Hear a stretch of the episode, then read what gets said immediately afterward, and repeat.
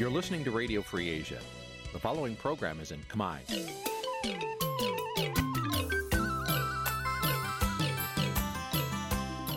នេះជាកម្មវិធីផ្សាយ Vuthu Azizi Serai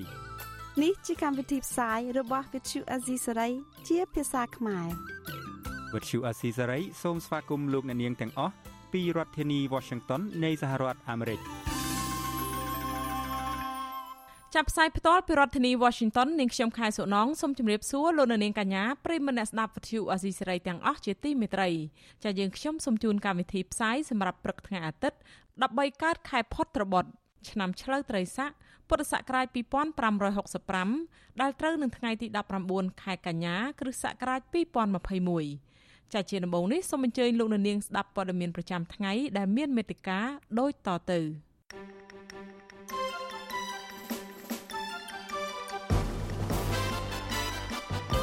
បណ្ឌិតសេងសេរីបដិញ្ញារក្សាសិទ្ធិបញ្ចេញមតិទោះបីរងការគំរាមដល់អាយុជីវិតក៏ដោយ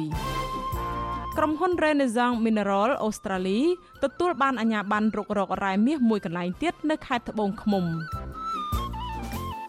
មន្ត្រីសហជីពថាលោកហ៊ុនសែនបានបង្ហាញមូលហេតុត្រឹមត្រូវដែលអាចដំឡើងប្រាក់ខែកម្មករក្នុងវិស័យកាត់ដេរបាន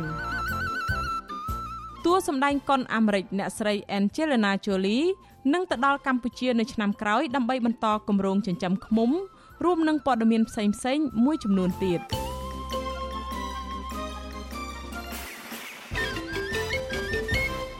ចាជាបន្តទៅនេះនាងខ្ញុំខែសុណងសូមជូនព័ត៌មានទាំងនេះពិស្ដាចាលោករនាងជាទីមេត្រីក្រមយុវជននិងមន្ត្រីសង្គមស៊ីវិល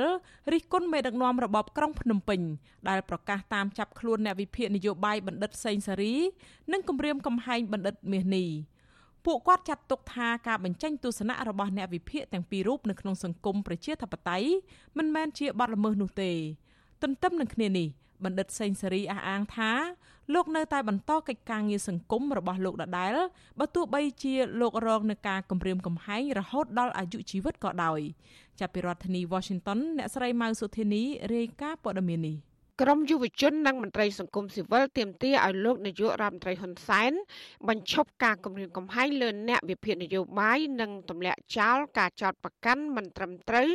លើបណ្ឌិតសេងសារីជាដើមចាមន្ត្រីសម្របសម្រួលគម្រោងនៃសមាគមបណ្ដាញយុវជនកម្ពុជាលោកអូតឡាទីន ថ្លែងថាក្នុងនាមជាយុវជនមួយរូបលោកសោកស្ដាយដែលលោកនាយករដ្ឋមន្ត្រីហ៊ុនសែនតែងតែប្រមានទៅលើបញ្ញវន្តមិនអោយបញ្ចេញមតិយោបល់ដោយសន្តិវិធី ដើម្បីចូលរួមចំណែកកែលម្អនៅចំណុចខ្វះខាត នៃការដឹកនាំប្រទេសចាលោកមើលឃើញថាការបញ្ចេញទស្សនៈរបស់អ្នកវិភាគនយោបាយទាំងបណ្ឌិតមានីនិងបណ្ឌិតសេងសារី គឺជារឿងល្អនៅក្នុងសង្គមប្រជាធិបតេយ្យ ហើយគួរតែទទួលបាននូវការលើកទឹកចិត្ត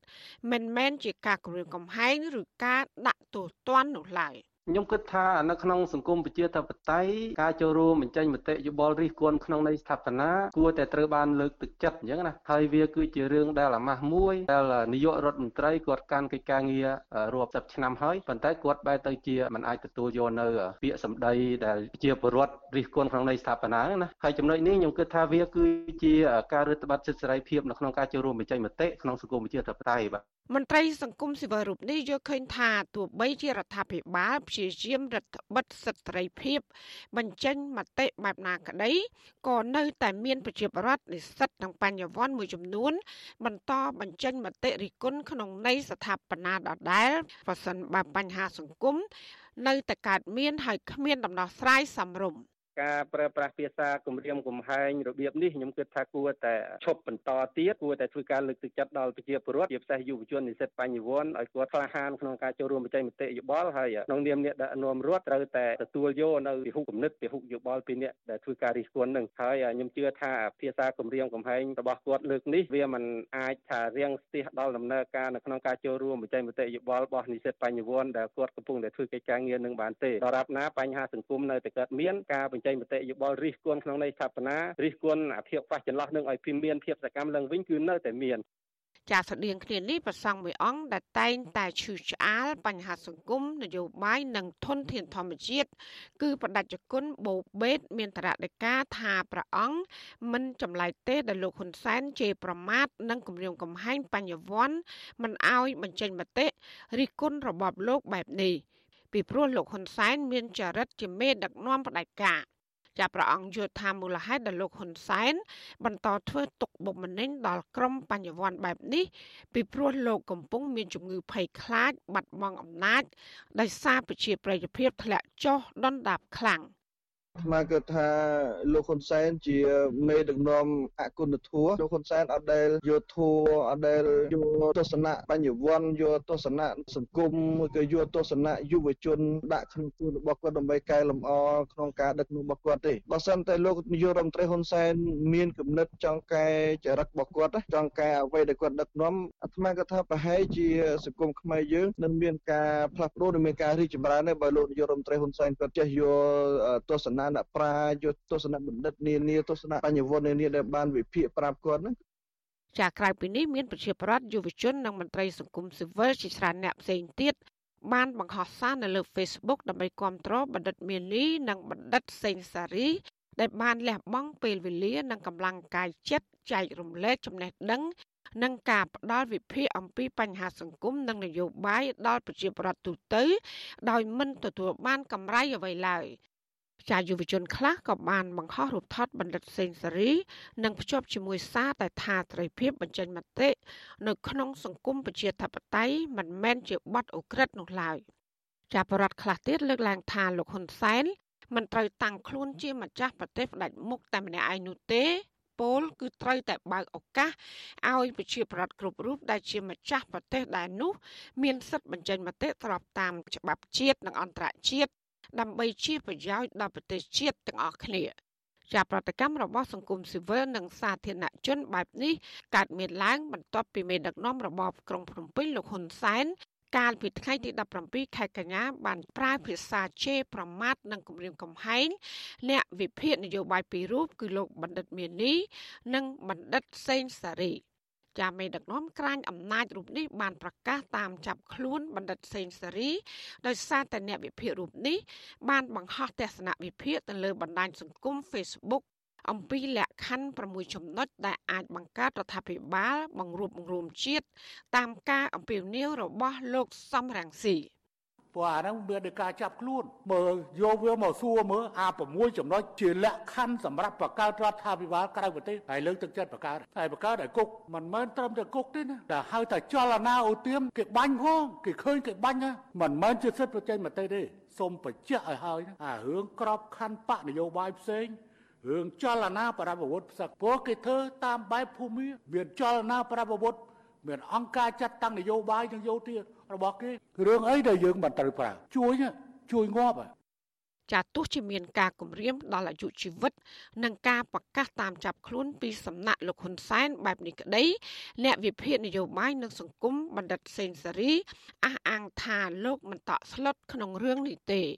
ចាលោកក៏បានផ្ញើសារអគុណដល់អ្នកគ្រប់គ្រងរូបលោក និងអំពាវនាវឲ្យប្រជាប្រដ្ឋត្រូវតែមានភាពក្លាហានបន្តនិយាយអំពីបញ្ហាសង្គមជាតិដើម្បីជំរុញឲ្យប្រទេសកម្ពុជាដើរនៅលើគន្លងប្រជាធិបតេយ្យពិតប្រាកដ។ទោះ បីជាមានការគម្រាមកំហែងក៏ខ្ញុំនៅតែបន្តកិច្ចការងារនឹងដដែលក៏ប៉ុន្តែខ្ញុំអាចដកឃ្លាអីតិចតួចដើម្បីរក្សាស្ថានភាពហើយខ្ញុំចង់ជម្រាបជូនថាខ្ញុំបានដឹងរួចជាស្រេចទៅហើយថាផ្លូវដែលខ្ញុំដើរនេះគឺនឹងជួបនៅការគម្រាមកំហែងរហូតដល់អាយុជីវិតអីចឹងជាដើមក៏ប៉ុន្តែទោះបីយ៉ាងណាក៏ដោយខ្ញុំមិនបោះបង់ការងារដែលខ្ញុំស្រឡាញ់ចូលចិត្តទេហើយពិសេសហ្នឹងខ្ញុំគិតថាកើតមកនៅក្នុងប្រទេសមួយដែលខ្ញុំស្រឡាញ់ជាប្រទេសកំណើតទាំងខ្ញុំគួរតែធ្វើធ្វើអីទៅតាមអីដែលខ្ញុំអាចធ្វើបានដើម្បីចូលរួមចំណែកនៅក្នុងសង្គមសម្រាប់ខ្ញុំជាបញ្ញវន្តมันមានអីក្រៅតែពីការវិភាគចំណេះដឹងនឹងចូលរួមចំណែកក្នុងសង្គមកម្ពុជាយើងទេបាទ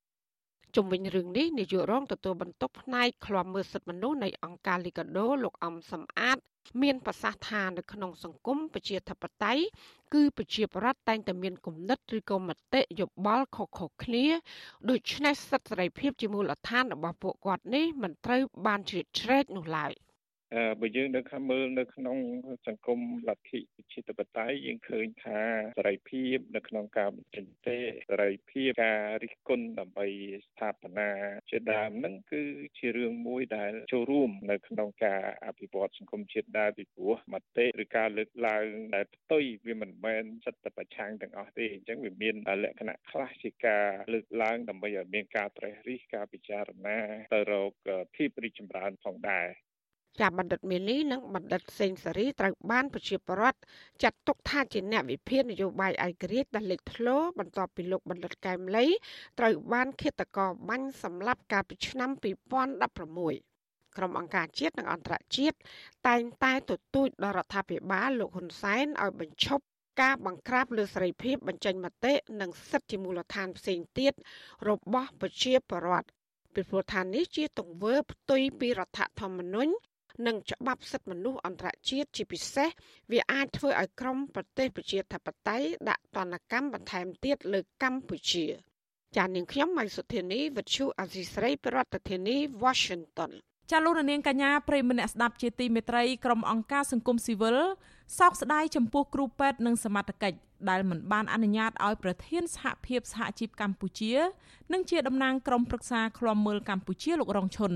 បានសម្រាប់ព្យាបាលត្រឹមត្រូវនៅមន្ទីរពេទ្យក្រោយពីមានការវះកាត់ភ្នែករួចរាល់ក្រុមសង្គមស៊ីវិលស្នើឲ្យសមត្ថកិច្ចបញ្ជូនលោករងឈុនទៅសម្រាកនៅមន្ទីរពេទ្យវិញ រហូតដល់មុខរបួសរបស់លោកបានជាសះស្បើយទាំងស្រុងសម្បញ្ជូនលោកទៅឃុំខ្លួនបន្តទៀតចាលោកសនច័ន្ទរដ្ឋារាយការណ៍ព័ត៌មាននេះ ភ្នែកខាងស្ដាំរបស់លោករងឈុនបានវិវត្តមកភាពល្អប្រសើរឡើងវិញក្រោយបានវះកាត់យកសាច់ដុំឈាមកកចេញពីក្នុងភ្នែកកាលពីថ្ងៃទី15ខែកញ្ញាមន្ត្រីអង្គការសង្គមស៊ីវិលដែលជាស្និទ្ធនឹងលោករងឈុនឲ្យដឹងថាពេលនេះភ្នែកខាងស្ដាំរបស់លោកអាចមើលឃើញព្រិលព្រិលវិញបានហើយប្រធានសមាគមគ្រូបង្រៀនកម្ពុជាឯករាជ្យអ្នកស្រីអុកឆាយាវីឲ្យដឹងថាគ្រូពេទ្យបានប្រើពេលវះកាត់និងអនុញ្ញាតឲ្យលោករងឈុនបានសម្រាប់ព្យាបាលក្នុងមន្ទីរពេទ្យមិត្តភាពខ្មែរសូវៀតឬពេទ្យរុស្ស៊ី បានមួយថ្ងៃកាលពីថ្ងៃទី15ខែកញ្ញាដោយចាប់ពីព្រឹករហូតដល់ម៉ោង4ល្ងាចទើបឆ្មាំពន្ធនាគារដឹកលោកត្រឡប់ទៅមន្ទីរឃុំឃាំងវិញលោកស្រីបន្តថាពីថ្ងៃក្រោយមកគឺថ្ងៃទី17ខែកញ្ញាស្មារតីបានដឹកលោករងឈុនមកលាមករបួសនៅមន្ទីរពេទ្យរុស្ស៊ីដដែលអ្នកស្រីអុកឆាយាវីចង់ឲ្យគ្រូពេទ្យនិងសមាជិកអនុញ្ញាតឲ្យលោករងឈុនសម្រាប់ព្យាបាលក្នុងមន្ទីរពេទ្យជាជាងការដឹកទៅវិញទៅមកបែបនេះ។ គួរតែទុកពេលវេលាឲ្យលោកគ្រូនឹងថែសុខភាពគាត់បន្ថែមទៀតដែលអំពើល្អរបស់អស់លោកយើងទទួលស្គាល់ហើយយើងក៏សូមអរគុណចាប៉ុន្តែយើងសំណូមពរយ៉ាងទៅទូចគឺចង់ឲ្យគាត់ថែសុខភាពព្រោះអីគាត់នៅមានជំងឺច្រើនមុខទៀតដែលគាត់កំពុងតែត្រូវការព្យាបាលបញ្ហាដុំឈាមកកក្នុងផ្នែកខាងស្ដាំរបស់លោករងឈុនបានវិវត្តទៅជាធ្ងន់ធ្ងរក្រោយពេលលោកជាប់ឃុំជាមួយឆ្នាំមុននេះដោយសារលោកខកខានទៅពិនិត្យនិងព្យាបាល តាមដំណាក់កាលកាណាត់របស់គ្រូពេទ្យអ្នកស្រីអុកឆាយាវីអះអាងថាលោករងឈុន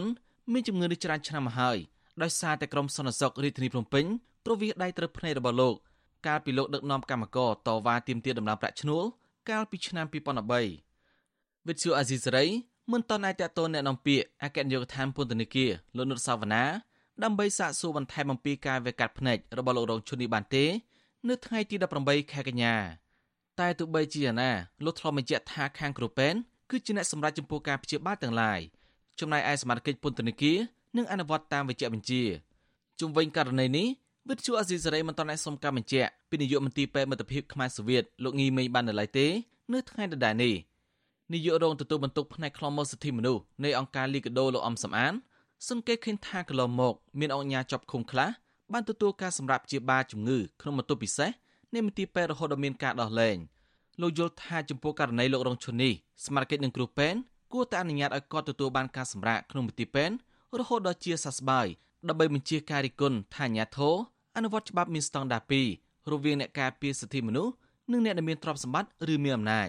បើសិនជាយើងរកនៅអធិបាយឬក៏បានន័យថាការព្យាបាលល្អមួយដែលមានការអនុញ្ញាតឲ្យធ្វើការព្យាបាលបានជាសះស្បើយហើយបានវិលត្រឡប់ទៅវិញអានឹងគឺជារឿងមួយល្អប្រសើររបបក្រុងភ្នំពេញបានចាប់ឃុំលោករងឈុនក្នុងពន្ធនាគារជាមួយឆ្នាំហើយពាក់ព័ន្ធទៅនឹងការបញ្ចេញមតិអំពីបញ្ហាព្រំដែនកម្ពុជាវៀតណាម ចៅក្រមសាលាដំបងរាជធានីភ្នំពេញលោកលីកសុខាបានកាត់ទោសលោកជាប់ពន្ធនាគារអតិបរមានិតោក្នុងបទញុយញងឲ្យប្រព្រឹត្តអំពើបង្កមានភាពវឹកវរធ្ងន់ធ្ងរដល់សន្តិសុខសង្គមហើយបង្កប់ឲ្យលោកបងសំណងរួមគ្នាជាមួយសកម្មជនពីរនាក់ផ្សេងទៀតចំនួន1សែនដុល្លារអាមេរិកឲ្យគណៈកម្មការចម្រុះកិច្ចការព្រំដែនតែសហគមន៍ជាតិនិងអន្តរជាតិកោតទោសចំពោះសារក្រមនេះថាយុត្តិធម៌ហើយជាការបំបិតសេរីភាពបញ្ចេញមតិមកទល់ពេលនេះក្រុមអង្គការសង្គមស៊ីវិលនិងសកម្មជន នៅតែបន្តយុទ្ធនាការតាមបណ្ដាញសង្គម Facebook ទាមទាររបបក្រុងភ្នំពេញដោះលែងលោករងឈុនឲ្យមានសេរីភាពឡើងវិញដោយសារតែការបញ្ចេញមតិមិនមែនជាបទល្មើសនោះទេខ្ញុំសនចាររថាវិទ្យុអាស៊ីសេរីរាយការណ៍ពីរដ្ឋធានី Washington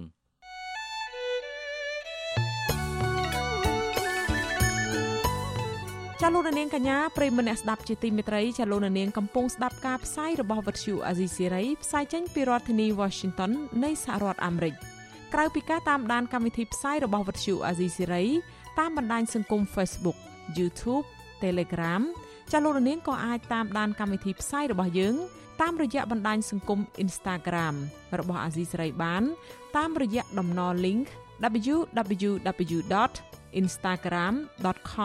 www.instagram.com/rfa ខ្មែរ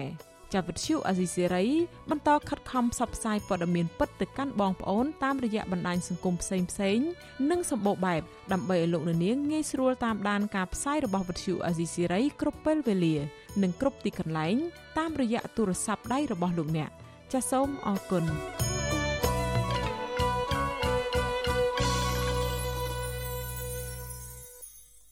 ចាលោកនាងកញ្ញាប្រិយមិត្តអ្នកស្ដាប់ជាទីមេត្រីតកតងទៅនឹងសេចក្តីរាយការណ៍អំពីការទៀមទាដំឡើងប្រាក់ឈ្នួលដល់កម្មករឯនេះវិញមេដឹកនាំសហជីពមានហេតុផលមួយចំនួនដែលបង្ហាញថានយោជកមានលទ្ធភាពដំឡើងប្រាក់ខែគោលឲ្យកម្មករក្នុងឆ្នាំ2022ខាងមុខដែលស្របទៅនឹងរបាយការណ៍ស្រាវជ្រាវរបស់សហជីព ពួកគេលើកឡើងថាតាមការអះអាងរបស់លោកនាយករដ្ឋមន្ត្រីហ៊ុនសែនប្រកាសថាប្រព័ន្ធអនុគ្រោះពន្ធ EBA មិនសំខាន់សម្រាប់កម្ពុជាតទៅទៀតទេព្រោះរោងចក្រសហគ្រាសនិងវិស័យកាត់ដេរដំណើរការធម្មតាដោយមានការបញ្ជាទិញនិងនាំចេញកើនឡើង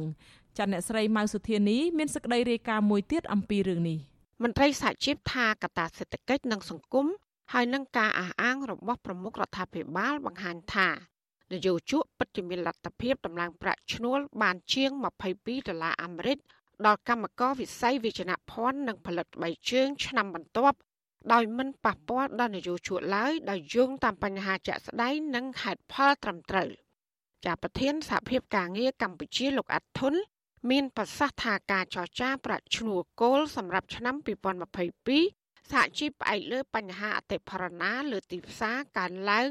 2.8%ហើយតម្រូវការរស់នៅរបស់កម្មករគឺចំណាយកើនឡើងដល់ទៅ4%ព្រមទាំងផលិតភាពកើនឡើងហើយបន្ថែមពីនេះរដ្ឋាភិបាលលុបចោលថ្ងៃឈប់សម្រាកថែមទៀតដែលធ្វើឲ្យកម្មករបាត់បង់ផលប្រយោជន៍ចាលោកបន្តថាភាគីនយោជកតែងតែលើកហេតុផលវិបត្តិជំងឺ Covid-19 ផលប៉ះពាល់ដល់ទីផ្សារមុខរបរនិងអាជីវកម្មដោយមិនដំឡើងប្រាក់ឈ្នួលដល់កម្មករ ហើយលើសពីនេះបែរជាស្នើបន្ថយប្រាក់ខែគោលរបស់កម្មកររហូតដល់ទៅជាង8ដុល្លារទៅវិញក៏ប៉ុន្តែហេតុផលទាំងនេះផ្ទុយទៅនឹងការដែលនយោជកខ្លួនឯងលើកឡើងអំពីការខ្វះខាតកម្លាំងពលកម្មស្របពេលដែលលោកនាយករដ្ឋមន្ត្រីហ៊ុនសែនក៏អះអាងចំណុចវិជ្ជមាននៃដំណើរការវិស័យនេះផងដែរ។ ថានយោបាយពីយើងទីនៅក្នុងឡុងពេលដែលបោះឆ្នោតគឺគេតែងតែដល់ច្រើននេះជាងមុនអញ្ចឹងដែលធ្វើឲ្យកម្មករទាញអារម្មណ៍ឆ្នាំនេះគឺជាយុទ្ធសាស្ត្ររបស់យើងគិតថាយើងចរចាសុទ្ធដោយមិនមានអធិបុលអីទេហើយកម្មកររបស់យើងក៏មិនជាអ្នកដែលលទ្ធភាពក្នុងការតវ៉ាជាសាធារណៈដែរអញ្ចឹងយើងត្រូវប្រើប្រាស់វិធីគ្រប់យ៉ាងតាមដែលអាចធ្វើទៅបានដើម្បីធ្វើការចរចាឲ្យបានប្រយោជន៍ដល់កម្មករចាលោកនាយករដ្ឋមន្ត្រីហ៊ុនសែនថ្លែងនៅថ្ងៃទី17ខែកញ្ញាថារដ្ឋាភិបាល មិនខ្វល់ការបាត់បង់ប្រព័ន្ធអនុគ្រោះពន្ធ EBA របស់សហភាពអឺរ៉ុបនោះឡើយហើយលោកអះអាងថារោងចក្រសហគ្រាសនៅកម្ពុជា គឺបើកដំណើរការធម្មតាជាពិសេសការបញ្ជាទិញនិងការនាំចេញការឡើងដោយរោងចក្រផលិតមិនទាន់នោះផង។ រោងចក្រ4ដែលធ្លាប់តែដេម៉ាស់ណាឥឡូវគេប្រវល់ទៅដេខោហើយសម្រាប់ការនាំចេញព្រោះបញ្ជាទិញយ៉ាងច្រើនរឿង ABA មិន ABA វាមិនសំខាន់ទេវាអត់សំខាន់អីសម្រាប់កម្ពុជាទេកម្ពុជានាំចេញឥឡូវរោងចក្រឯណាមាន វាមិនត្រឹមតែបិទរោងចក្រអារោងចក្របើកថ្មីវាកាន់តែច្រើនទៅទៀតជាពាក់ព័ន្ធរឿងនេះដែរសម្ព័ន្ធសហជីពកម្ពុជាអ្នកត្រីយ៉ាងសុភ័ណ្ឌមានប្រសាសន៍ថាការអះអាងរបស់លោកហ៊ុនសែន ស្របទៅនឹងរបាយការណ៍របស់ក្រមសហជីពគឺជាសញ្ញាល្អមួយសម្រាប់ការជជែកប្រាក់ឈ្នួលគោលខាងមុខនេះអ្នកស្រីយល់ថាប៉ះសិនបរដ្ឋាភិបាលរក្សាប្រព័ន្ធអនុគ្រោះពន្ធពីសហភាពអឺរ៉ុបនឹងធ្វើឲ្យស្ថានភាពវិស័យកាត់ដេរដំណើរការល្អប្រសើរថែមទៀត។ ការពុតបើសិនណាគាត់យល់ឃើញថាมันមានការចំណេញទៅលើវិស័យនេះទេគាត់គួរតែបានបង្ហាញនៅរបាយការណ៍ជាក់លាក់ថាឥឡូវរោងចក្ររបស់គាត់ឬក៏ស្ថានភាពនៅក្នុងវិស័យហ្នឹងវាមានការខាតយ៉ាងម៉េចនាមគាត់នយោជកហ្នឹងគាត់ខាតបង់នៅក្នុងឆ្នាំនេះប្រមាណខាតបង់នៅឆ្នាំនេះប្រមាណប្រមាណអញ្ចឹងលើកមកកាន់សហជីពមកសហជីពក៏ចង់ដឹងអំពីបញ្ហាទាំងអស់ហ្នឹងដែរព្រោះយើងចរចាប្រាក់ឈ្នួលយើងចង់ឲ្យវិស័យនេះមាននិរន្តរភាពយើងចង់ឲ្យកម្មកររបស់យើងហ្នឹងគាត់ទទួលបានប្រាក់ឈ្នួលមួយដែលគាត់អាចរស់បានអញ្ចឹងយើងក៏អត់ចង់ឃើញវិស័យហ្នឹងស្លាប់ដែរ ចាក្រមសហជីពនៅតែរក្សាគោលជំហរសំដំឡើង22.2ដុល្លារអាមេរិកឬស្មើប្រាក់ឈ្នួលគោលរបស់កម្មករនយោជិតចំនួនជាង214ដុល្លារក្នុងមួយខែហើយដែលធ្វើឡើងត្រឹមត្រូវតាមស្ថានភាពសេដ្ឋកិច្ចនិងសង្គមដោយមិនប៉ះពាល់ដល់នយោជកនោះឡើយទោះជាយ៉ាងណាភាគីទាំងអស់ក្រុងជួបប្រជុំគ្នាដើម្បីចរចាប្រាក់ឈ្នួលគោលសម្រាប់កម្មករនៅឆ្នាំ2022ម្ដងទៀត នៅថ្ងៃទី21ខែកញ្ញាខាងមុខជាវិជ្ជាស៊ីស្រីមិនអាចតកតងแนะនាំពាក្យក្រសួងកាងារលោកហេងសួរដើម្បីបញ្ជាក់ជំវិញការអះអាងរបស់លោកនាយករដ្ឋមន្ត្រីហ៊ុនសែនបានទេ នៅថ្ងៃទី18ខែកញ្ញាដោយទូរស័ព្ទហៅចូលតែគ្មានអ្នកទទួលចំណែកឯអគ្គលេខាធិការសមាគមរោងចក្រកាត់ដេរនៅកម្ពុជាលោកខេនលូប្រាប់ថាលោកកំពុងនៅក្រៅប្រទេស ក៏ប៉ុន្តែលោកខិនលូធ្លាប់ប្រាប់វិទ្យុស៊ីស្រីថាការចំណាយរបស់ភាគីនយោជកគឺការឡើងស្របពេលដែលចំណូលថយចុះហើយលោកក៏បានអះអាងថាការនាំចេញរបស់រោងចក្រកាត់ដេរនៅកម្ពុជាបានធ្លាក់ចុះជាង0.5%បើធៀបនឹង6ខែដូចគ្នា កាលពីឆ្នាំ2020 ទោះជាយ៉ាងណារបាយការណ៍អគ្គនាយកដ្ឋានគយនិងរដ្ឋកោកម្ពុជា បានបង្ហាញតួលេខទំហំពាណិជ្ជកម្មអន្តរជាតិក្នុងឆមាសទី1ឆ្នាំ2021ដោយការនាំចេញផលិតផលកាត់ដេរមានចំនួនជាង4700លានដុល្លារអាមេរិក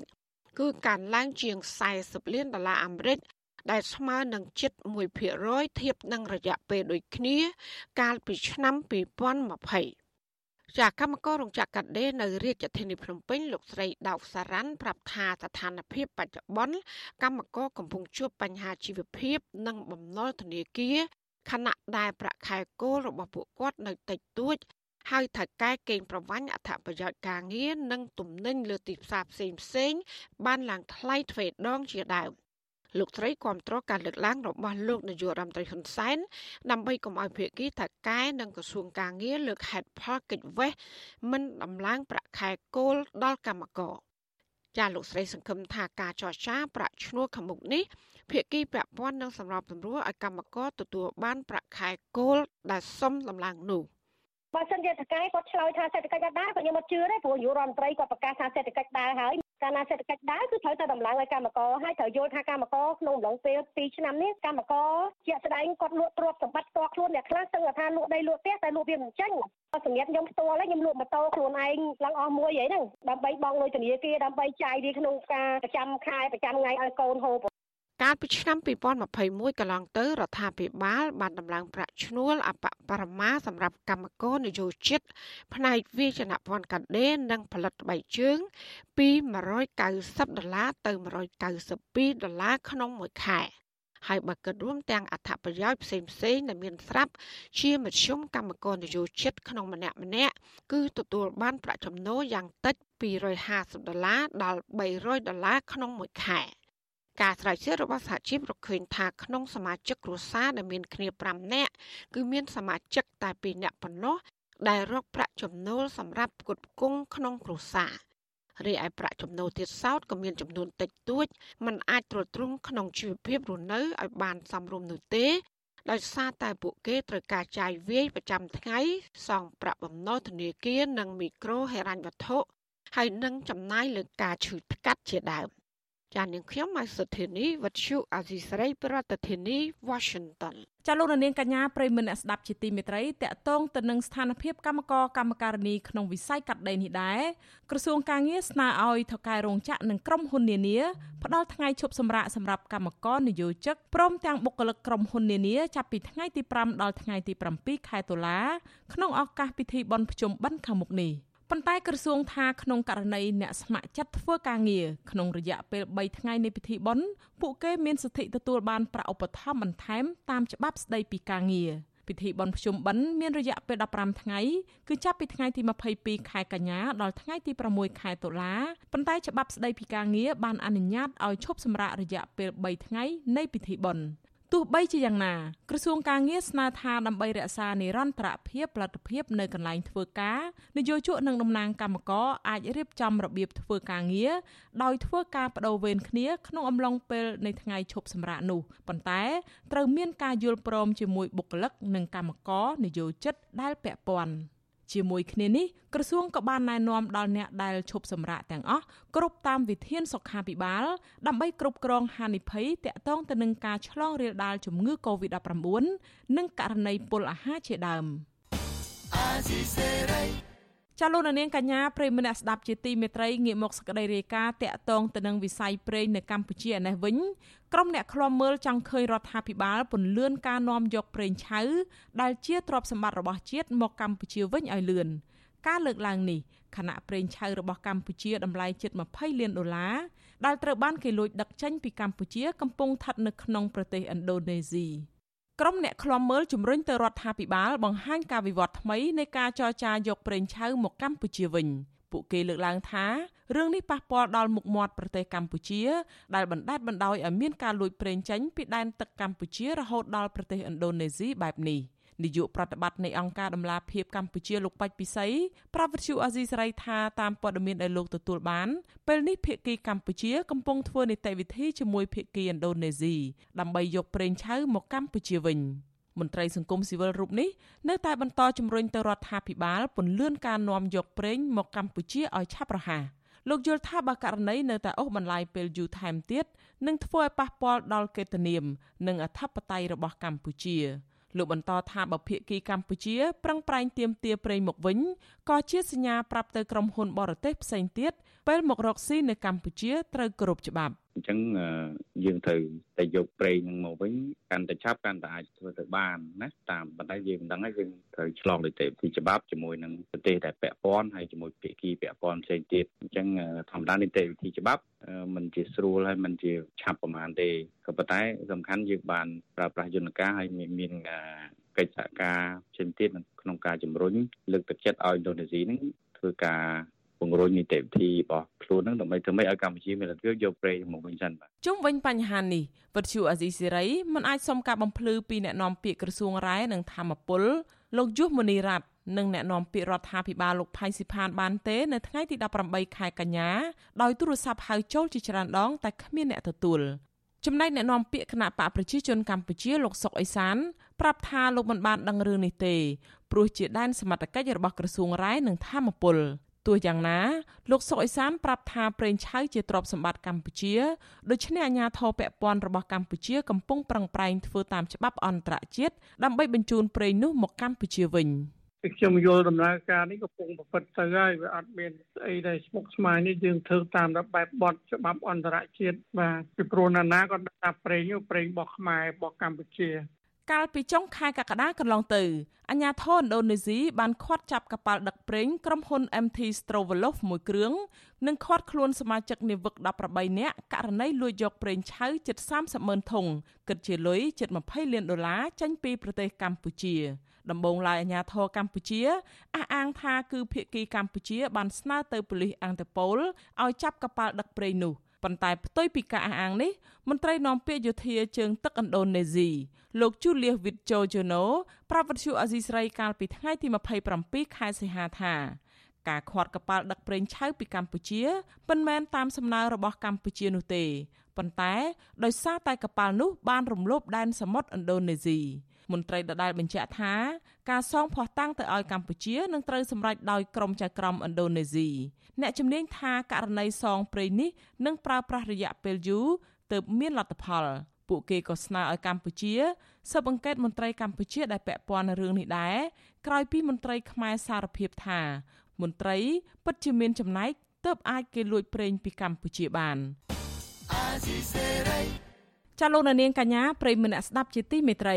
ក្រុមហ៊ុន Renaissance Mineral របស់ប្រទេសអូស្ត្រាលី បានទទួលអាជ្ញាប័ណ្ណរុករករ៉ែមាសមួយកន្លែងទៀតនៅតំបន់សំពៅលូនក្នុងឃុំជាំតាម៉ៅស្រុកមេមត់ខេត្តត្បូងឃ្មុំ លើផ្ទៃដី ទំហំជាង100គីឡូម៉ែត្រការ៉េ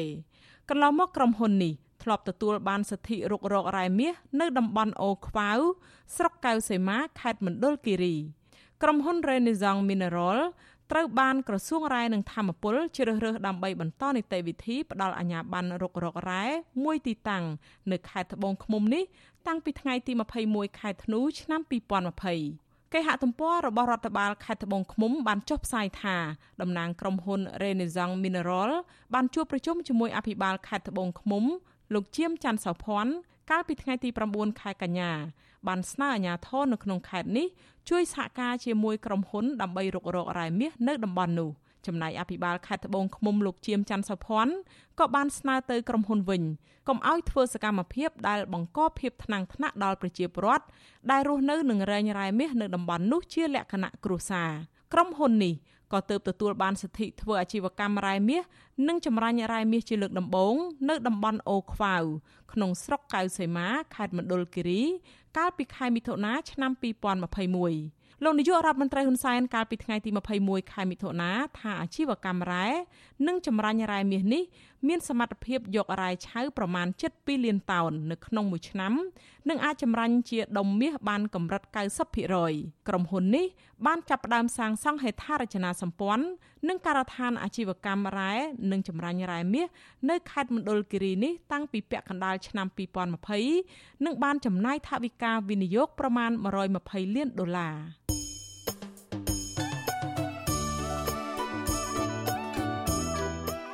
ចាលោកនាងកញ្ញាប្រិមមអ្នកស្ដាប់ជាទីមេត្រីលោកនាងកំពុងស្ដាប់ការផ្សាយរបស់វិទ្យុអាស៊ីសេរីផ្សាយចេញពីរដ្ឋធានី Washington នៃសហរដ្ឋអាមេរិកនៅក្នុងឱកាសនេះដែរនាងខ្ញុំសូមថ្លែងអំណរគុណដល់លោកនាងកញ្ញាទាំងអស់ដែលតែងតែមានភក្ដីភាពចំពោះការផ្សាយរបស់យើងហើយចាត់ទុកការស្ដាប់វិទ្យុអាស៊ីសេរីគឺជាផ្នែកមួយនៃសកម្មភាពប្រចាំថ្ងៃរបស់លោកនាងការគ្រប់គ្រងរបស់លោកនាងនេះហើយដែលធ្វើឲ្យយើងខ្ញុំមានទឹកចិត្តកាន់តែខ្លាំងថែមទៀត ក្នុងការស្វែងរកនិងផ្តល់ព័ត៌មានជូនលោកអ្នកនាង មានអ្នកស្ដាប់អ្នកទស្សនាកាន់តែច្រើនកាន់តែធ្វើឲ្យយើងខ្ញុំមានភាពស្វាហាប់មោះមុតជាបន្តទៀតចាយើងខ្ញុំសូមអរគុណទុកជាមុនហើយសូមអញ្ជើញលោកអ្នកនាងកញ្ញាចូលរួមជំរុញឲ្យសកម្មភាពផ្តល់ព័ត៌មានរបស់យើងកាន់តែជោគជ័យបន្ថែមទៀតចាសូមលោកអ្នកនាងជួយយើងខ្ញុំដល់គ្រាន់តែចុចចែករំលែកឬ share ការផ្សាយរបស់យើងនៅលើបណ្ដាញសង្គម Facebook និង YouTube ទៅកាន់មិត្តភ័ក្តិរបស់លោកអ្នក ដើម្បីឲ្យការផ្សាយរបស់យើងបានទៅដល់មនុស្សកាន់តែច្រើនចាសសូមអរគុណ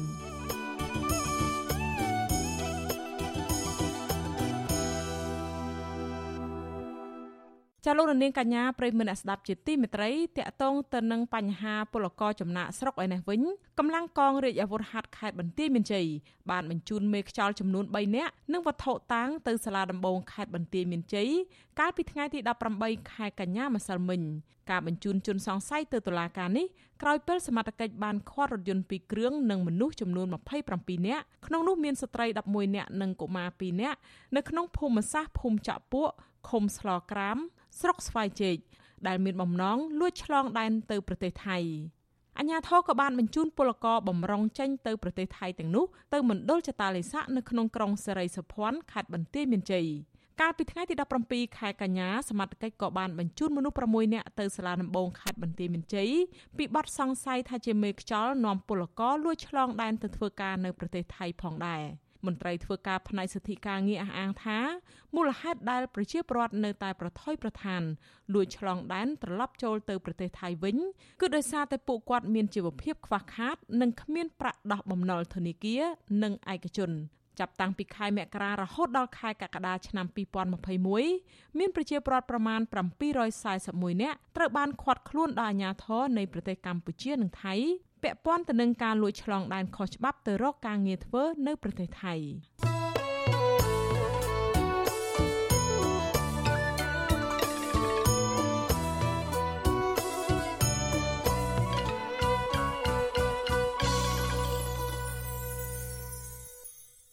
ចាលោករនាងកញ្ញាប្រិមមអ្នកស្ដាប់ជាទីមេត្រីចាលោករនាងកំពុងស្ដាប់ការផ្សាយរបស់វិទ្យុអេស៊ីសេរីផ្សាយចេញពីរដ្ឋធានី Washington នៃសហរដ្ឋអាមេរិក កសិករមួយចំនួននៅខេត្តកំពង់ស្ពឺនាំគ្នាបោះបង់មុខរបរចិញ្ចឹមមាន់ចោលដោយសារតែខាតអស់ដើមច្រើនពេកក្នុងរយៈពេលជិត1ឆ្នាំមកនេះទោះជាយ៉ាងណា មន្ត្រីកសិកម្មនៅតែលើកទឹកចិត្តឲ្យកសិករបន្តចិញ្ចឹមមាន់កសិដ្ឋានបន្តទៀតដោយសន្យាថានឹងជួយទុនព្រមទាំងបច្ចេកទេសដល់កសិករដែលមានសក្តានុពល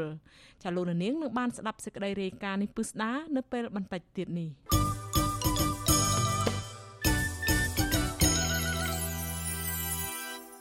ចាលោកនាងកញ្ញាប្រិមមអ្នកស្ដាប់ជាទីមេត្រីតកតងទៅនឹងសេចក្តីរាយការណ៍ចំពោះការកាត់ទោសដល់ជនបរទេសដែលជាប់ពាក់ព័ន្ធទៅនឹងករណីរំលោភផ្លូវភេទកុមារនេះវិញ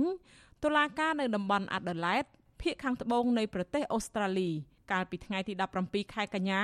បានកាត់ទោសបរិះអូស្ត្រាលីម្នាក់ឈ្មោះ Jeffrey William Wife អាយុ47ឆ្នាំឲ្យជាប់ពន្ធនាគារជិត10ឆ្នាំពីបទរំលោភផ្លូវភេទលើកុមារនៅកម្ពុជាតនដិតរូបនេះ បានសារភាពកំហុសរបស់ខ្លួន កាលពីឆ្នាំ2020ថាខ្លួនពិតជាបានជាប់ពាក់ព័ន្ធទៅនឹងបទល្មើសរំលោភផ្លូវភេទលើកុមារកម្ពុជាចំនួន12ករណីចន្លោះពីឆ្នាំ2002ដល់ឆ្នាំ2005ខណៈដែលធ្វើការជាមួយមន្ត្រីជំនួយការបរទេសរបស់ក្រសួងកិច្ចការបរទេសនិងពាណិជ្ជកម្ម ឯអគ្គរដ្ឋទូតអូស្ត្រាលីប្រចាំកម្ពុជាលោកប៉ាប់លោកខាង បញ្ជាក់នៅថ្ងៃទី18ខែកញ្ញាឲ្យដឹងថារដ្ឋាភិបាលអូស្ត្រាលីនឹងមិនអត់ឱនជាដាច់ខាតរាល់ការរំលោភបំពានលើកុមារគ្រប់ទម្រង់មន្ត្រីពាក់ព័ន្ធអនុវត្តច្បាប់បន្តប្រឹងប្រែងស្រាវជ្រាវស៊ើបអង្កេតករណីនេះរហូតដល់យកជនល្មើសយកមកផ្ដន្ទាទោសតាមច្បាប់ដើម្បីការពារសិទ្ធិរបស់កុមារ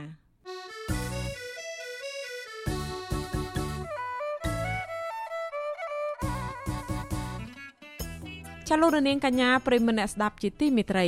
លោកនាងក៏អាចស្ដាប់ការផ្សាយផ្ទាល់របស់វិទ្យុអាស៊ីសេរីដំណើរគ្នាទៅនឹងការផ្សាយលើបណ្ដាញសង្គម Facebook និង YouTube តាមរយៈរលក ធាតុអាកាសខ្លីឬ Shortwave តាមកម្រិតនិងកម្ពស់ដូចតទៅនេះ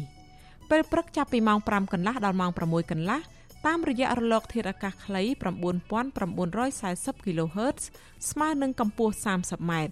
ពេលយប់ពីម៉ោង7កន្លះដល់ម៉ោង8កន្លះ តាមរយៈរលកធាតុអាកាសខ្លី9960 kHz ស្មើនឹងកម្ពស់ 30m និង11240 kHz ស្មើនឹងកម្ពស់ 25m ចាសសូមអរគុណចាលោករនាងកញ្ញាប្រិមមអ្នកស្ដាប់ជាទីមេត្រីរឿងដាច់ដោយឡែកមួយទៀតតារាភាពយន្តល្បីល្បាញ Hollywood អ្នកស្រី Angelina Jolie មានគម្រោងទៅប្រទេសកម្ពុជានៅឆ្នាំ2022ខាងមុខ ដើម្បីបង្កើតកម្មវិធីចិញ្ចឹមឃ្មុំសម្រាប់ស្ត្រីនៅតំបន់សំឡូតខេត្តបាត់ដំបងទីភ្នាក់ងារសារព័ត៌មាន Crossroad Today ចុះផ្សាយនៅថ្ងៃទី18ខែកញ្ញាឲ្យដឹងថាអ្នកស្រី Angelina Jolie អាយុ46ឆ្នាំ មានគម្រោងវឹកហាត់ដល់ស្ត្រីខ្មែរចំនួន50នាក់ពីការចិញ្ចឹមថែរក្សាឃ្មុំក្នុងអំឡុង5ឆ្នាំខាងមុខកម្មវិធីនេះ ក្រុងបង្កើតសម្បុកឃ្មុំចំនួន2500កន្លែងដែលអាចផ្ទុកសត្វឃ្មុំប្រមាណជាង125លានឃ្មុំ នៅក្នុងជីវមណ្ឌលចំនួន25នៅតាមបណ្ដាប្រទេសមួយចំនួន និងនៅប្រទេសកម្ពុជាអ្នកស្រីបន្តថាកម្មវិធីចិញ្ចឹមឃ្មុំនេះ អ្នកស្រីនឹងសហការជាមួយអង្គការ UNESCO ដើម្បីពិនិត្យមើលពីលទ្ធភាពដើម្បីពង្រីកជីវមណ្ឌលចិញ្ចឹមឃ្មុំនៅប្រទេសផ្សេងផ្សេងទៀតអ្នកស្រីសង្ឃឹមថាការវឹកហាត់និងរៀនសូត្រពីរបៀបចិញ្ចឹមឃ្មុំនេះនឹងជួយពង្រឹងសមត្ថភាពរបស់ស្ត្រីដើម្បីអាចរកប្រាក់ចំណូលផ្គត់ផ្គង់ក្នុងគ្រួសារនិងសហគមន៍របស់ពួកគេកាលពីឆ្នាំ2002តារាភាពយន្តល្បីល្បាញរូបនេះ បានយកកូនខ្មែរម្នាក់មកចិញ្ចឹមដោយដាក់ឈ្មោះថាម៉ាដុកតាំងពីកុមាររូបនោះបានអាយុ7ខែពីមជ្ឈមណ្ឌលកុមារកំព្រាបច្ចុប្បន្នអ្នកស្រីមានផ្ទះនៅតំបន់សំឡូតផងដែរបន្ថែមពីនេះអ្នកស្រី Angelina Jolie ក៏បានបង្កើតមូលនិធិ MJP ដោយដាក់ឈ្មោះកូនប្រុសនោះកាលពីឆ្នាំ2003ក្នុងគោលបំណងអភិរក្សនិងអភិវឌ្ឍសហគមន៍នៅក្នុងតំបន់ការពារសំឡូតនៃខេត្តបាត់ដំបង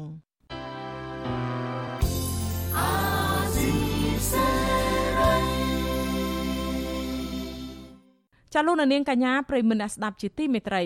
ក្រុមអង្គការសង្គមស៊ីវិលការពារសិទ្ធិការងារសម្រាប់ស្ត្រីទាំងនៅក្នុងនិងក្រៅប្រព័ន្ធអំពាវនាវដល់រដ្ឋាភិបាលនិងភាគីពាក់ព័ន្ធបង្កើតគោលនយោបាយជាតិគាំពៀមាតុភាពសម្រាប់ស្ត្រីគ្រប់រូបដោយគ្មានការរើសអើងការអំពាវនាវនេះបន្ទាប់ពីអង្គការ Oxfam បានបិទបញ្ចប់យុទ្ធនាការតាមអនឡាញឬហៅថាយុទ្ធនាការ Digital ស្ដីពីកិច្ចគាំពៀមាតុភាព ចាប់ពីរដ្ឋធានី Washington អ្នកស្រីសុជីវីរាយការណ៍លម្អិតអំពីរឿងនេះក្រុមអង្គការសង្គមស៊ីវិលអំពាវនាវជាថ្មីទៀតដល់សាធារណជននយោជកនិងម្ចាស់អាជីវកម្មនិងអ្នកបង្កើតគោលនយោបាយជាតិរួមគ្នាធានាឲ្យបានថាស្ត្រីកម្មករទាំងអស់អាចទទួលបានការគាំពៀមិត្តភាពគ្រប់គ្រប់គ្នា ក្នុងនោះក៏ត្រូវរាប់បញ្ចូលទាំងស្ត្រីដែលធ្វើការនៅក្នុងសេដ្ឋកិច្ចក្រៅប្រព័ន្ធដែរប្រធានសហព័ន្ធសហជីពកម្មករចំណីអាហារនិងសេវាកម្មកម្ពុជា អ្នកស្រីអ៊ូតេផលីនថ្លែងប្រាប់វិទ្យុអាស៊ីសេរីថាកិច្ចគាំពៀមិត្តភាពគួរតែត្រូវរដ្ឋាភិបាលធានាផ្ដល់ឲ្យស្ត្រីគ្រប់រូបទាំងស្ត្រីនៅក្នុងវិស័យសេវាកម្មកំសាន្តផងដែរអ្នកស្រីពន្យល់ថាកិច្ចគាំពៀមិត្តភាពគឺរាប់ចាប់តាំងពីមុនពេលដែលស្ត្រីពពោះពេលមានផ្ទៃពោះពេលសម្រាលកូន និងក្រោយពេលសម្រាលប៉ុន្តែអ្នកស្រីថារហូតមកដល់ពេលបច្ចុប្បន្ននេះស្ត្រីក្នុងវិស័យសេវាកម្មកំសាន្តមិនទទួលបានកិច្ចគាំពៀទេ នៅគ្រប់ដំណាក់កាលទាំងអស់នេះស្ត្រីនៅសេវាកម្មកំសាន្តយើងឃើញភាគច្រើនគឺស្ត្រីស្ត្រីវ័យក្មេងប៉ុន្តែយើងមិនឃើញមានស្ត្រីណាមួយធ្វើការនៅពេលដែលគាត់មានផ្ទៃពោះទេដោយសារមានកត្តាទី1នយោជករើសអើងនឹងរួចទៅហើយនៅកន្លែងសេវាកម្មកំសាន្តហ្នឹងមានផ្ទៃពោះគឺជាងាយមិនសំណំគេមានសំណាងអញ្ចឹងណាដល់ដំណាក់កាលទី2អ្នកខ្លះគាត់គាត់យកកូនចេញដោយសារគាត់ចង់បានការងារយើងសង្វេគខ្លាំងណាគឺគាត់ត្រូវបខំចិត្ត ពេលដែលគាត់មកធ្វើការងារពេលយប់គាត់មានណាមើលកូនណាគាត់ទុកកូនគាត់ឲ្យចាក់សោនៅក្នុងកន្ទប់ដើម្បីគាត់ទៅធ្វើការអញ្ចឹងណាអត់មាននរណាមើលអញ្ចឹងណាអត់មាននរណាជួយមើលមានថាគាត់តល់ដៃតល់ជើងគាត់ចាក់សោកូនគាត់នៅក្នុងកន្ទប់ហើយទិញនំទិញអីទៅកូនគាត់ញ៉ាំនៅក្នុងកន្ទប់ហ្នឹងទៅរហូតតែគាត់បកមកធ្វើការវិញបានគាត់មានឱកាសនៅមើលថែទាំកូនចេះវាមិនមែនជាកំហុសរបស់ម្ដាយទេភាគច្រើនគឺគេក៏បន្ទោសម្ដាយប៉ុន្តែបើខ្ញុំគឺខ្ញុំបន្ទោសរដ្ឋ មកតាមអ្នកស្រីអ៊ូតេផាលីនស្ត្រីធ្វើការផ្នែកសេវាកម្មកំសាន្តជាច្រើនម៉ឺននាក់ពុំបានការគាំពៀពីរដ្ឋាភិបាលទេ ទាំងក្នុងស្ថានភាពនៅមុននិងក្នុងពេលមានវិបត្តិជំងឺ Covid-19 ចំណែកប្រធានសមាគមប្រជាធិបតេយ្យឯករាជ្យនៃសេដ្ឋកិច្ចក្រៅប្រព័ន្ធលោកវ៉ាន់ពៅមានប្រសាសន៍ថាក្រមស្ត្រីធ្វើការងារផ្នែកក្រៅប្រព័ន្ធផ្សេងទៀតដូចជាអ្នកលក់ដូរតាមផ្លូវអ្នកអូសរទេសអ្នករើសសម្រាមជាដើម ភ្នាក់ច្រើនក៏មិនទទួលបានការគាំពៀពីរដ្ឋាភិបាលដែរលោកថានៅក្នុងវិបត្តិជំងឺ Covid-19 នេះអ្នកភៀកតិច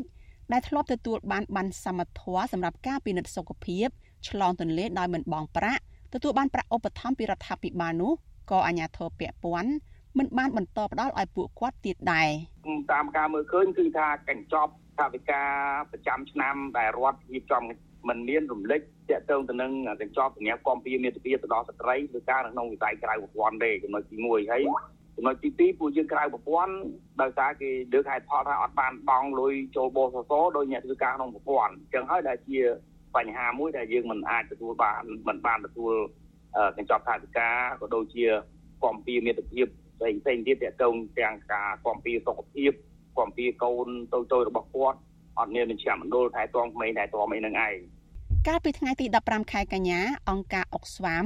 បានបិទបញ្ចប់យុទ្ធនាការដែលមានចំណងជើងថាកិច្ចគាំពៀមាតុភាពបន្ទាប់ពីបានផ្សព្វផ្សាយយ៉ាងទូលំទូលាយលើបញ្ហាកិច្ចគាំពៀមាតុភាពនៅក្នុងតំបន់អាស៊ានយុទ្ធនាការនេះចាប់ផ្ដើមក្នុងទិវាពលកម្មអន្តរជាតិថ្ងៃទី1ខែឧសភា យុទ្ធនាការនេះគាំទ្រដល់ស្ត្រីកម្មករក្រៅប្រព័ន្ធនិងស្ត្រីដែលមានរបរចិញ្ចឹមជីវិតដោយខ្លួនឯងដែលមានចំនួនប្រមាណ90%នៃស្ត្រីនៅក្នុងកម្លាំងពលកម្មនៅកម្ពុជាអង្គការនេះបញ្ជាក់ថាពួកគេមិនទទួលបានអត្ថប្រយោជន៍លើកិច្ចគាំពៀមាតុភាពនោះទេ ដែលធ្វើឲ្យពួកគេក្លាយទៅជាជនងាយរងគ្រោះដោយសារតែជំងឺ និងភាពក្រីក្ររ៉ាំរ៉ៃតាមរយៈយុទ្ធនាការនេះអង្គការអុកស្វាមនិងដៃគូ មានបំណងបំផុសការចូលរួមរបស់សាធារណជននយោជកនិងម្ចាស់អាជីវកម្មអ្នកបង្កើតគោលនយោបាយជាតិដើម្បីរួមគ្នាជជែកពិភាក្សាអំពីការធានាឲ្យបានថាស្ត្រីកម្មករទាំងអស់នៅក្នុងប្រទេសកម្ពុជាអាចទទួលបានការគាំពៀមាតុភាពគ្រប់គ្រប់គ្នា បន្ទាប់ពីដំណើរការអស់រយៈពេលជាង3ខែកន្លងទៅនេះយុទ្ធនាការនេះបានផ្សព្វផ្សាយទៅដល់អ្នកប្រើប្រាស់បណ្ដាញសង្គមជិត3លាននាក់ នាយិកាអង្គការអុកស្វាមអ្នកស្រីលឹមសូលីនមានប្រសាសន៍នៅក្នុងសេចក្តីថ្លែងការណ៍របស់អង្គការនេះថាកិច្ចគាំពៀមាតុភាព គឺជាបញ្ហាមួយ ដែលមានផលប៉ះពាល់ទៅដល់យើងទាំងអស់គ្នា នៅពេលដែលអ្នកម្ដាយបងប្អូនស្រី និងស្ត្រីជាភរិយាមានសុខភាពល្អនិងមានសុវត្ថិភាពពួកយើងក៏មានសុខភាពល្អនិងមានសុវត្ថិភាពដូចគ្នាដែរ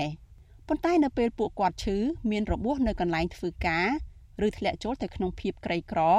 ដោយសារតែយើងមិនបានគ្រប់គ្រងពួកគាត់នៅក្នុងអំឡុងពេលដែលពួកគាត់ពោពោះសម្រាលកូន និងចិញ្ចឹមបីបាច់កូននោះគ្រួសារនិងសង្គមក៏រងការឈឺចាប់ដូចគ្នាដែរនៅក្នុងរឿងនេះអគ្គលេខាធិការនៃក្រមប្រឹក្សាជាតិគាំពៀសង្គម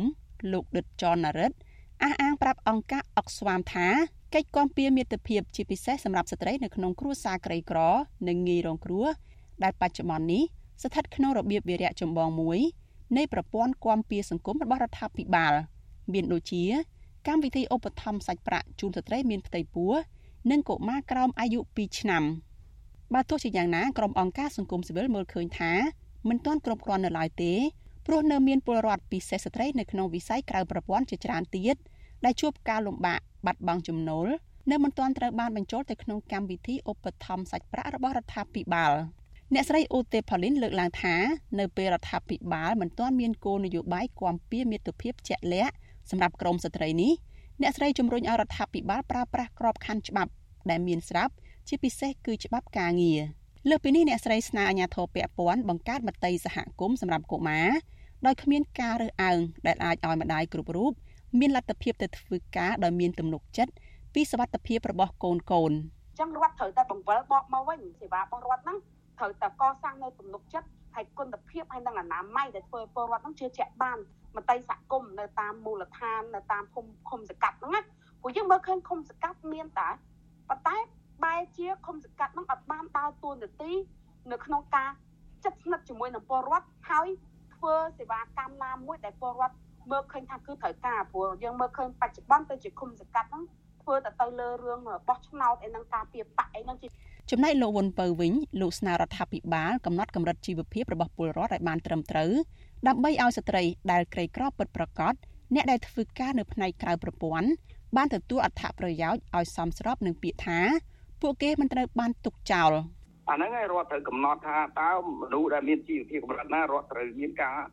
ការសិក្សាស្រាវជ្រាវមួយដើម្បីវាតម្លៃអំពីកម្រិតជីវភាពពលរដ្ឋដែលធ្វើការក្នុងវិស័យក្រៅប្រព័ន្ធហ្នឹងថា តើកម្រិតណាដែលអាចរត់ព្រីជូនកម្រិតណាដែលរត់ត្រូវឲ្យបងលុយបរិភាគខ្លះសម្រាប់ចូលបេឡាជារបបសន្តិសុខសង្គមដើម្បីទទួលបានអាកិច្ចគាំពារសង្គមហើយចំណុចមួយទៀតរដ្ឋក៏ត្រូវរៀបចំកញ្ចប់ថវិកាជាតិមួយឲ្យជាក់លាក់តាក់ទងទៅនឹងអាកិច្ចគាំពារសង្គមតាក់ទងកិច្ចគាំពារមាតុភាពនឹងច្បាស់រដ្ឋមន្ត្រីក្រសួងផែនការលោកឆៃថនធ្លាប់បញ្ជាក់ថាក្នុងវិបត្តិជំងឺ Covid-19 មានការប៉ាន់ប្រមាណថា កម្មករដែលបម្រើការងារនៅក្នុងវិស័យក្រៅប្រព័ន្ធប្រមាណ6លាននាក់បានបាត់បង់ការងារឬប្រឈមនឹងបាត់បង់ការងារនាងខ្ញុំសុជីវី With you Azizi Serai ពីរដ្ឋធានី Washington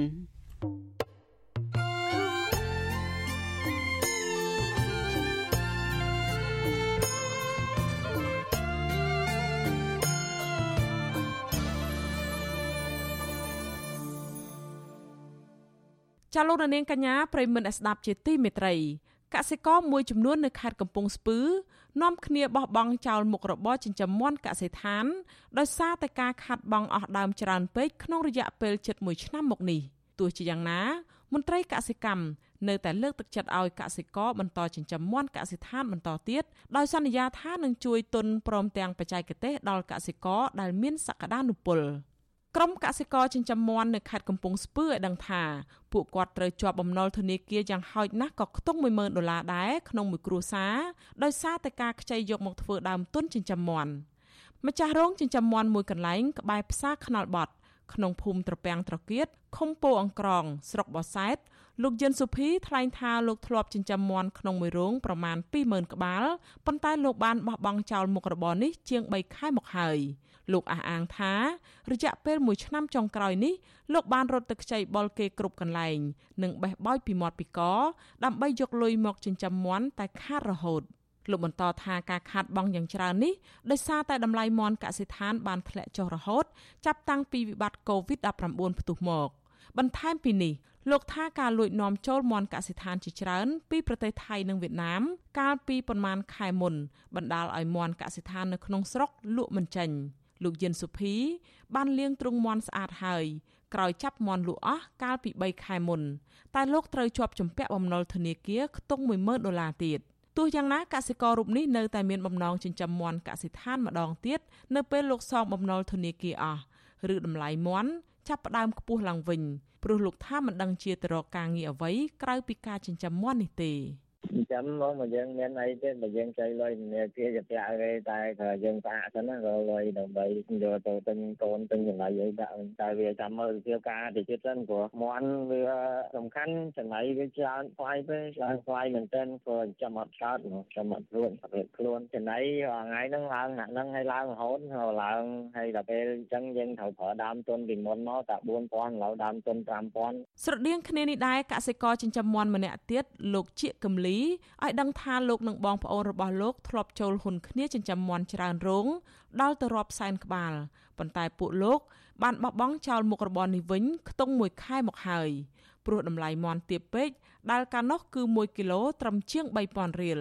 លោកថាក្រោយពេលកសិករនាំគ្នាបោះបង់មុខរបរនេះចោលមកតម្លៃមាន់កសិដ្ឋានបានហក់ឡើងបន្តិចវិញ គឺ1គីឡូជាង5000រៀលនៅពេលនេះ លោកឲ្យដឹងថាបញ្ហាជំងឺ Covid-19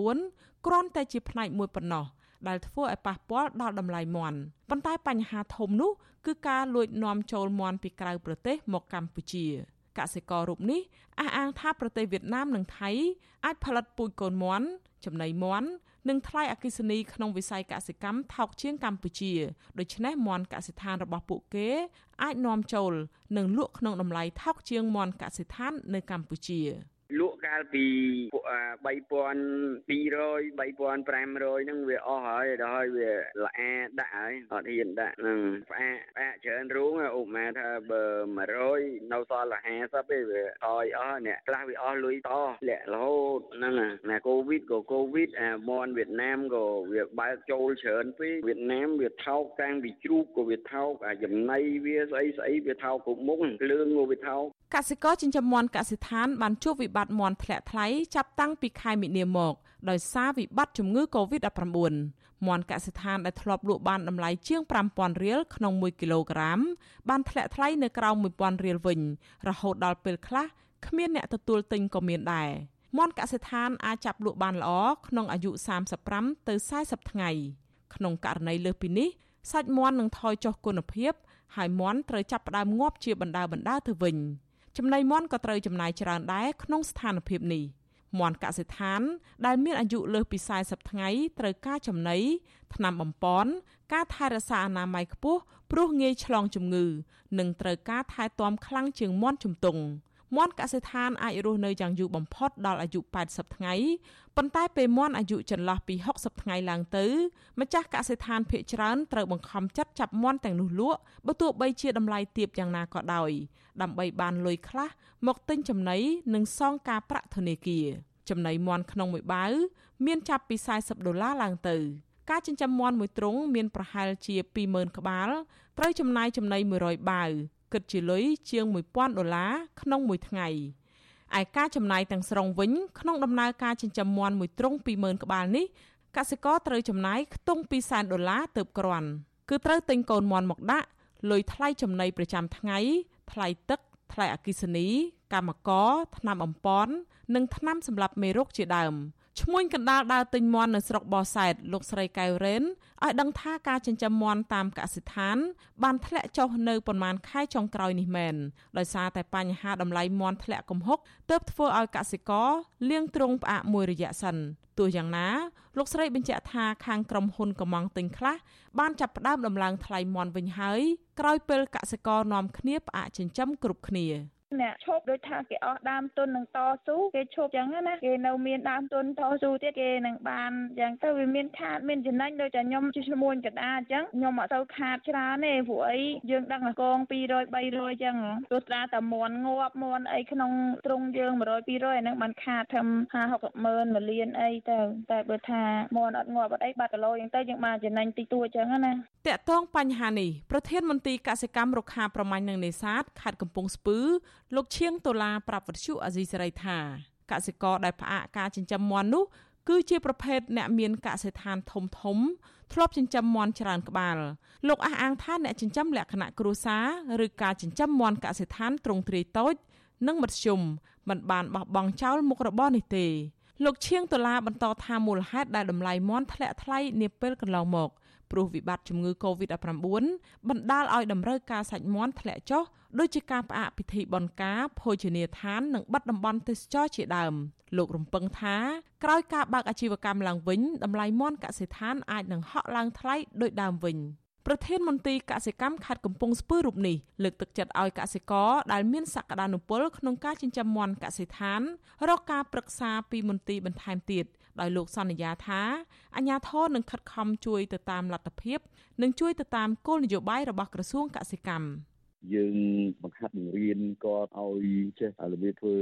ផលិតកម្មតាមកិច្ចសន្យា contract farming ហ្នឹងណាអញ្ចឹងយើងឲ្យគាត់ចេះធ្វើផែនការឲ្យគាត់ចេះថែទាំឲ្យគាត់ចេះរើសចំណីអីអីចឹងហោហែទៅគាត់ផលិតទៅគាត់បានអាហ្នឹងគឺកម្មវិធីហ្នឹងគឺយើងបានដាក់ចេញជាគោលការណ៍រួមទូទាំង6ស្រុកនៅលើ8ក្រុងស្រុកទោះជាមានការអាងពីមន្ត្រីជំនាញបែបនេះក្តីកសិករខ្លះឲ្យដឹងថា ពួកគាត់ធ្លាប់បានទៅរកកិច្ចអន្តរាគមន៍ពីមន្ត្រីកសិកម្មខេត្តច្រើនដងហើយរីឯខាងមន្ត្រីកសិកម្មក៏ធ្លាប់ចុះមកពិនិត្យនិងសួរនាំដល់កសិដ្ឋានដែរតែគ្មានដំណោះស្រាយជូនពួកគាត់នោះទេជុំវិញរឿងនេះតំណាងបណ្ដាញពហុវិស័យនិងជាអ្នកខ្លំមើលវិស័យកសិកម្មនៅខេត្តកំពង់ស្ពឺលោកជាសុភ័ក្រព្រួយបារម្ភថាកសិករកាន់តែច្រើននឹងប្រឈមការបោះបង់ចោលមុខរបរចិញ្ចឹមមាន់កសិដ្ឋានបន្ថែមទៀតប្រសិនបើអាជ្ញាធរមិនព្រមអន្តរាគមន៍ជួយពួកគាត់ទេ លោកបន្តថាតម្លៃមាន់អាចឡើងថ្លៃបាន ឬចុះថោក គឺក្រុមហ៊ុនបញ្ជាទិញជាអ្នកកំណត់ទាំងស្រុងដែលបញ្ហានេះធ្វើឲ្យកសិករខាត់បង់ផលប្រយោជន៍ក្រុមហ៊ុននិងរដ្ឋមានការគាំពៀទៅដល់ក្រុមកសិករហៅថាឧបត្ថម្ភធនទៅដល់ក្រុមកសិករដែលគេចិញ្ចឹមមាន់ហ្នឹងគេមានជំនាញគេមានចំណេះអីតបបែបតបយ៉ាងកសិករយើងមានដែរមិនមែនអត់ទេយើងមានដែរប៉ុន្តែមានតាមអាស្រ័យទៅលើក្រុមហ៊ុនដែលដាក់រកស៊ីជាមួយគ្នាឬក៏គាត់វាទុកចិត្តជារឿយរឿយ ទោះជាមាន់នៅកសិដ្ឋានមានការធ្លាក់ថ្លៃក៏ដោយក៏តម្លៃមាន់ដែលដាក់លក់នៅលើទីផ្សារមិនបានធ្លាក់ថ្លៃឡើយទន្ទឹមនឹងនេះសមាគមចិញ្ចឹមសត្វមាន់កម្ពុជារកឃើញថាចាប់តាំងពីជួបវិបត្តិជំងឺ Covid-19 មកកសិករប្រមាណជា3000គ្រួសារបានបោះបង់ចោលការចិញ្ចឹមសត្វដោយសារតែការខាត់បង់ច្រើននិងមិនអាចប្រកួតប្រជែងតម្លៃជាមួយសាច់សត្វដែលឈ្មួញនាំចូលពីប្រទេសជិតខាងបាន កាលពីឆ្នាំ2020លោកនាយករដ្ឋមន្ត្រីហ៊ុនសែនធ្លាប់អំពាវនាវឲ្យកម្មករនិងពលករដែលបានបាត់បង់ការងារធ្វើក្នុងវិស័យឧស្សាហកម្មនាំគ្នាត្រឡប់ទៅស្រុកកំណើត បង្កើនការដាំដំណាំនិងចិញ្ចឹមសត្វលោកថែមទាំងសន្យាថារដ្ឋាភិបាលនឹងជួយជ្រោមជ្រែងជួយទាំងដើមទុននិងបច្ចេកទេសដើម្បីឲ្យកសិផលទាំងនោះអាចផ្គត់ផ្គង់ទីផ្សារនៅក្នុងស្រុកប៉ុន្តែក្រោយពេលកសិករខ្ចីលុយធនាគារយកមកធ្វើដើមទុនដាំដំណាំ ឬចិញ្ចឹមសត្វបានផលហើយនោះពួកគាត់ត្រូវជួបវិបត្តិគ្មានទីផ្សារលក់ចេញទៅវិញ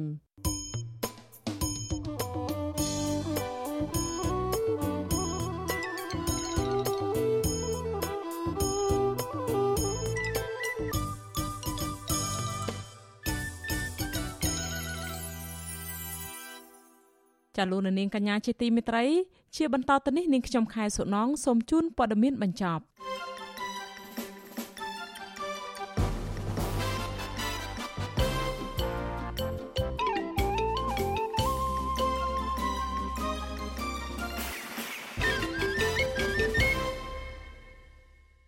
ចាលោករនាងជាទីមេត្រីក្រមយុវជននិងមន្ត្រីសង្គមស៊ីវិលរិះគន់មេដឹកនាំរបបក្រុងភ្នំពេញដែលប្រកាសតាមចាប់ខ្លួនអ្នកវិភាគនយោបាយបណ្ឌិតសេងសារី និងគម្រាមកំហែងបណ្ឌិតមាសនេះពួកគាត់ចាត់ទុកថាការបញ្ចេញទស្សនៈរបស់អ្នកវិភាគទាំងពីររូបនៅក្នុងសង្គមប្រជាធិបតេយ្យមិនមែនជាបទល្មើសនោះទេ ទន្ទឹមនឹងគ្នានេះ បណ្ឌិតសេងសេរីអះអាងថា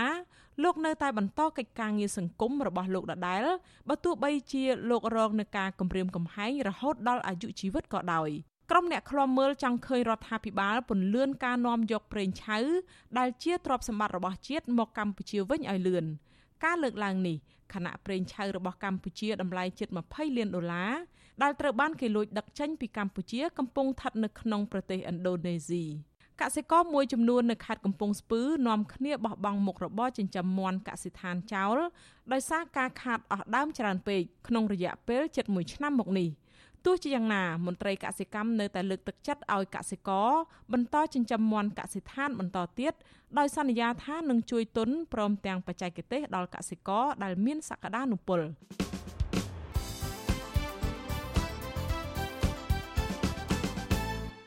ចលនានាងកញ្ញាប្រិមនៈស្ដាប់ជាទីមេត្រីការផ្សាយរយៈពេល1ម៉ោងមកនេះបានឈានមកដល់ទីបញ្ចប់ហើយចា៎នាងខ្ញុំសូមជូនពរដល់លោកនាងកញ្ញាទាំងអស់ឲ្យជួបប្រកបតែនឹងសេចក្តីសុខចម្រើនរុងរឿងកំបីគ្លៀងគ្លាតឡើយចា៎នាងខ្ញុំខែសុណងព្រមទាំងក្រុមការងារទាំងអស់នៃវិទ្យុអាស៊ីសេរីសូមអរគុណនិងសូមជម្រាបលា